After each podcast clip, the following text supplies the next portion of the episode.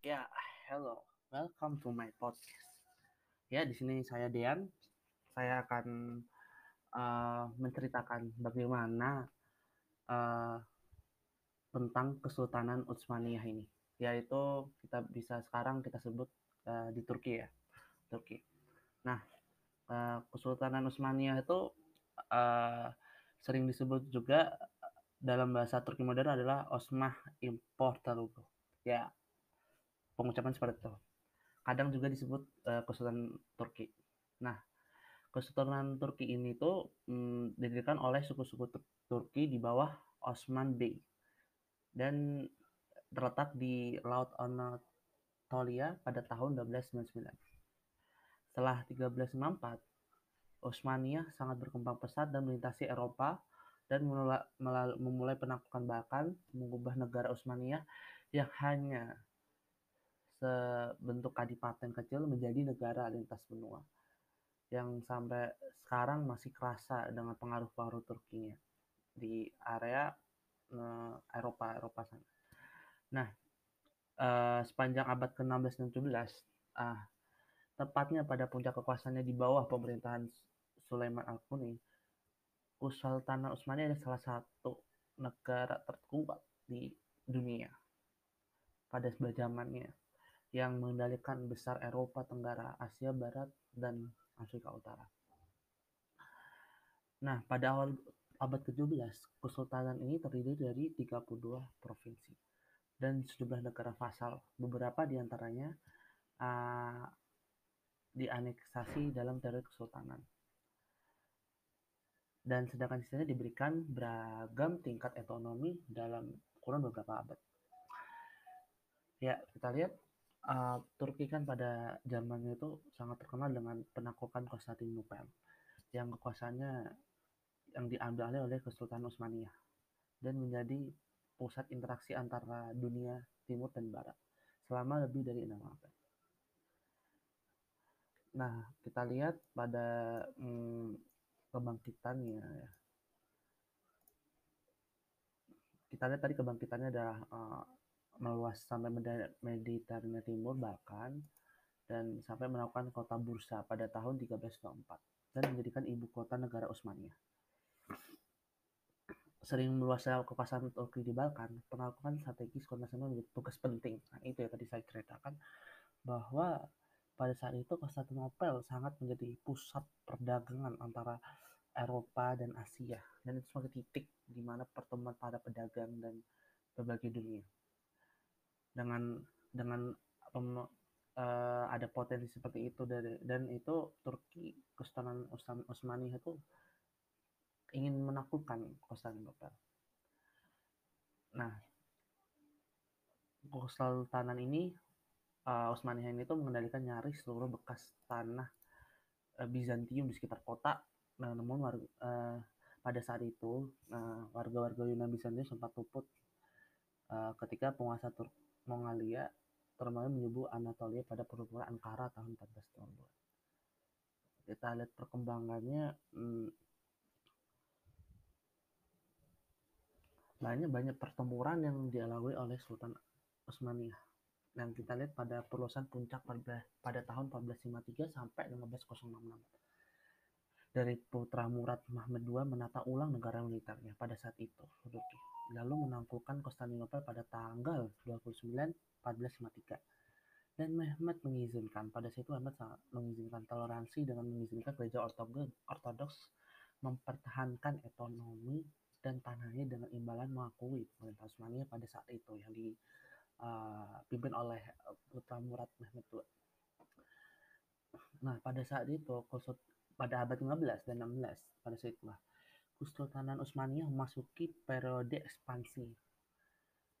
Dan pada saat itu juga Kesultanan berhasil sukses memakmurkan rakyatnya di bawah pimpinannya yang tegas dan efektif. Ekonominya juga maju karena pemerintah mengalihkan rute-rute perdagangan darat utama antara Eropa dan Asia yang saat itu sudah ditaklukkan ya Konstantinopel. Dan setelah itu uh, tergantian uh, uh, sultan yaitu yaitu Sultan Salim I yang pada tahun itu uh, menduduki jabatannya pada tahun 1512 sampai 1520. dia uh, sangat penting juga dia memperluas daerah wilayah Kesultanan Utsmaniyah itu sampai batas timur dan selatan dan mengalahkan Shah Ismail dari Persia pada saat itu dalam pertumpahan Chaldiran. Salim I juga mendirikan pada saat itu uh, mendirikan pemerintahan di Mesir dan meng, dia mengerahkan angkatan lautnya di Mesir di daerah Laut Merah. Nah, habis itu hmm, kita lihat ya banyak terjadi perebutan perebutan di sini ya pada tahun sekitar 15 abad 15 sampai 16 ya kita lihat uh, Turki merebut Syria pada saat itu dan mendirikan dari pemerintahan Utsmaniyah di Mesir. Selanjutnya uh, pada Sultan Saman Al-Kanuni, Turki menaklukkan Hungaria. Selain itu, Turki menyebut kota Wina Austria. Namun pada saat itu gagal menaklukkan Austria karena pada saat itu kan pada musim dingin ya, pada tahun uh, penaklukannya. Setelah dia menaklukkan banyak wilayah, Turki menaklukkan Siprus, daerah Siprus dan seluruh pasuk pada 1571 seluruh pasukan Eropa bergabung melawan Turki pada Utsmani ketika Turki ingin merebut Italia pada saat itu. Namun pada saat itu pengibaran Italia Turki Ostame Osto apa Osmani itu kalah gitu melawan pasukan gabungan Eropa pada saat itu. Karena kita lihat gabungan Eropanya sangat banyak ya dari para para negara Eropa pada saat itu. Dan setelah itu Turki mulai mengalami kemunduran dalam selepas perang Lepanto. Dan pada saat itu juga karena kemudian itu juga uh, salah satu faktornya adalah para pemaisuri Sultan kerap ikut campur pada hmm, pengangkatan putranya sebagai sultan. Dan ini banyak menimbulkan uh,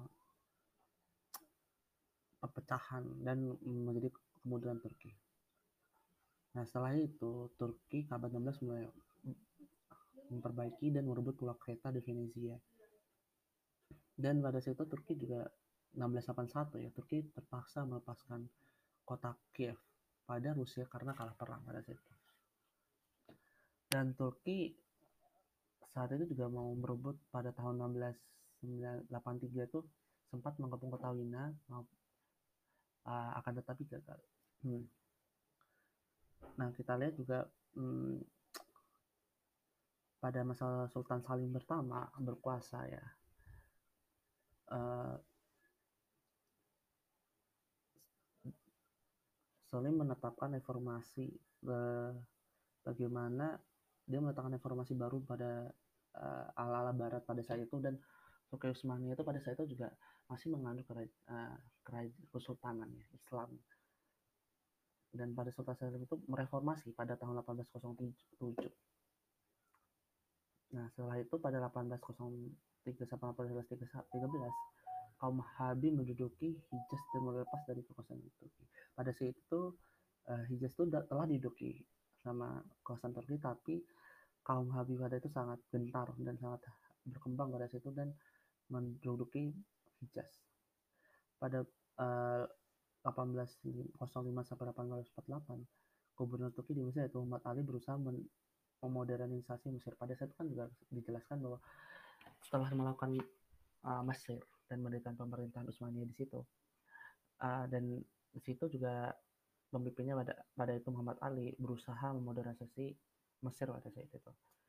Nah setelah itu hmm, Sultan Mahmud kedua berkuasa, ia memperkenalkan reformasi modernisasi yang bernama Gerakan Tanzimat. Ya, kita lihat gerakan Tanzimat itu adalah uh, suatu gerakan yang untuk memajukan uh, Turki pada saat itu. Berarti dia tuh seharusnya itu organisasi Kesultanan Utsmaniyah atau Kesatuan Ottoman merupakan suatu periode reformasi yang diawali 1839 sampai dimulai eranya konstitusional pertama pada tahun 1876. Ya dia mengubah gitu loh, mengubah uh, konstruksi ke, ke, ke khalifahannya. Dan kita lihat pada itu banyak baik Turki mulai mengalami kemunduran dan banyak terjadi kehilangan wilayah pada tahun 1814 yang itu kehilangan wilayah kasus dan menyerahkan ke Rusia. Dan banyak terjadi pemberontakan pada tahun 1819 yaitu Serbia dan 1821 terjadi perang kemerdekaan Yunani pada situ yang telah dikuasai oleh uh, Kesultanan Utsmaniyah dan akhirnya Yunani akhirnya merdeka pada tahun uh, 1829 dan negara Eropa mulai uh, maju pada 1830 sebut saja Perancis ini yang merebut Aljazair dari Turki dan 1839 Inggris merebut kota Aden yaitu Yaman dari Turki. Nah, pada masa Sultan Abdul Hamid Lukas tadi diadakan mendesain untuk mencegah kemudahan Turki. Nah, kita lihat kan banyak perebutan wilayah kan gitu. Ah, pada saat dan pada Sultan itu Sultan Abdul Hamid itu menyadari gitu kan. 1839 1861 dia kayak mau modernisasi gitu uh, Turki untuk menjaga kemunduran Turki. Nah, 1893 sampai 1896 terjadi perang Crimea. Inggris membantu Turki dan mengalahkan Rusia karena Inggris itu takut Rusia menguasai Laut Tengah karena Rusia tuh lagi mengecarnya itu mencar-gencarkan politik air hangat gitu. Nah, uh, pada akhirnya uh, bekerjasama kepada Inggris dan uh, Said Rasa pada saat itu di Gubernur Mesir memberikan konsensi terusan kepada ISIS. Jadi biar agar apa pengaruh dari Rusia itu menolak apa ya tidak sampai ke Turki. Nah setelah itu pada tahun 1861 sampai 1896 ya Sultan Abdul Aziz melanjutkan reformasi tersebut dan uh, dari Sultan Abdul Hamid itu menguasai Turki tetapi dia menerima pinjaman luar untuk menjalankan tugas sehingga mengakibatkan Turki hampir bangkrut karena dia sering memberi minta pinjaman gitu utang kepada luar negeri ya. dan pada saat itu juga uh, Kesultanan Turki di bawah Eropa. Nah Turki juga mengalami kebangkrutan juga pada saat itu. Uh, pada tahun 1863 sampai 1879 akhirnya di perusahaan Suez yang telah masih dikuasai oleh uh, Turki akhirnya dijual kepada Inggris Modernisasi di, pada 1899 terjadi modernisasi di bawah pemerintahan Sultan Abdul Aziz yang dilaksanakan oleh Fuad Pasha atau sudah disebut Ali Pasha dan Mamik Pasha dengan mendirikan Universitas Konstantinopel dan pendirian bank. Nah, pada saat itu juga uh, uh, sudah terjadi modernisasi dan terjadi peradakan lagi. Di situ juga mulai-mulai mengalami uh, kemunduran Turki ini terjadi pertentangan di Mesir. Dari orang pribumi terhadap orang-orang Inggris di Mesir. Karena hal ini akhirnya Inggris merebut Mesir dari Turki. Akhirnya pada situ kan banyak terjadi kan setelah dijual terusan Source ke Inggris dan uh, banyak terjadi kayak pemberontakan dari pribumi dari Mesir. Akhirnya uh, Mesir direbut oleh Inggris.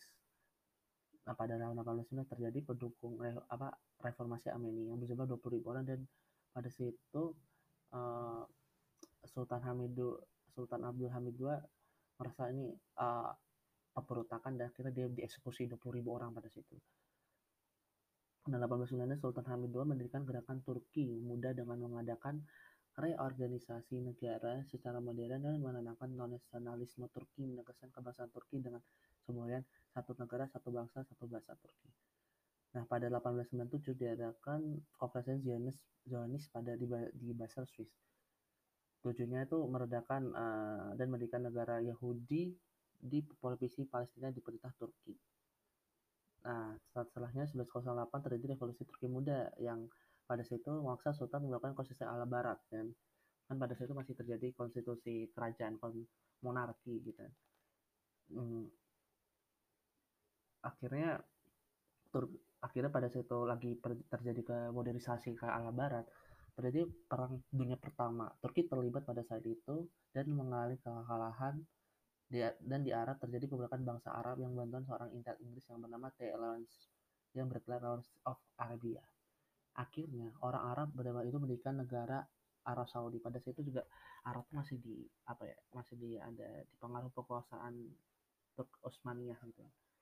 Dan akhirnya 1917 Inggris merebut Palestina dan Irak dan Turki dan Perancis pada situ 1912 mendapat Syria dan Turki, Inggris menyerahkan tanah jajahan di Palestina kepada orang Yahudi di laut deklarasi Balfour. Nah pada saat itu melalui perang akhirnya ada suatu orang pemuda gitu yang itu ada namanya Mustafa Kemal Pasha menahan kekuatan Eropa yang ingin masuk Turki pada saat itu yang menjadi sultan.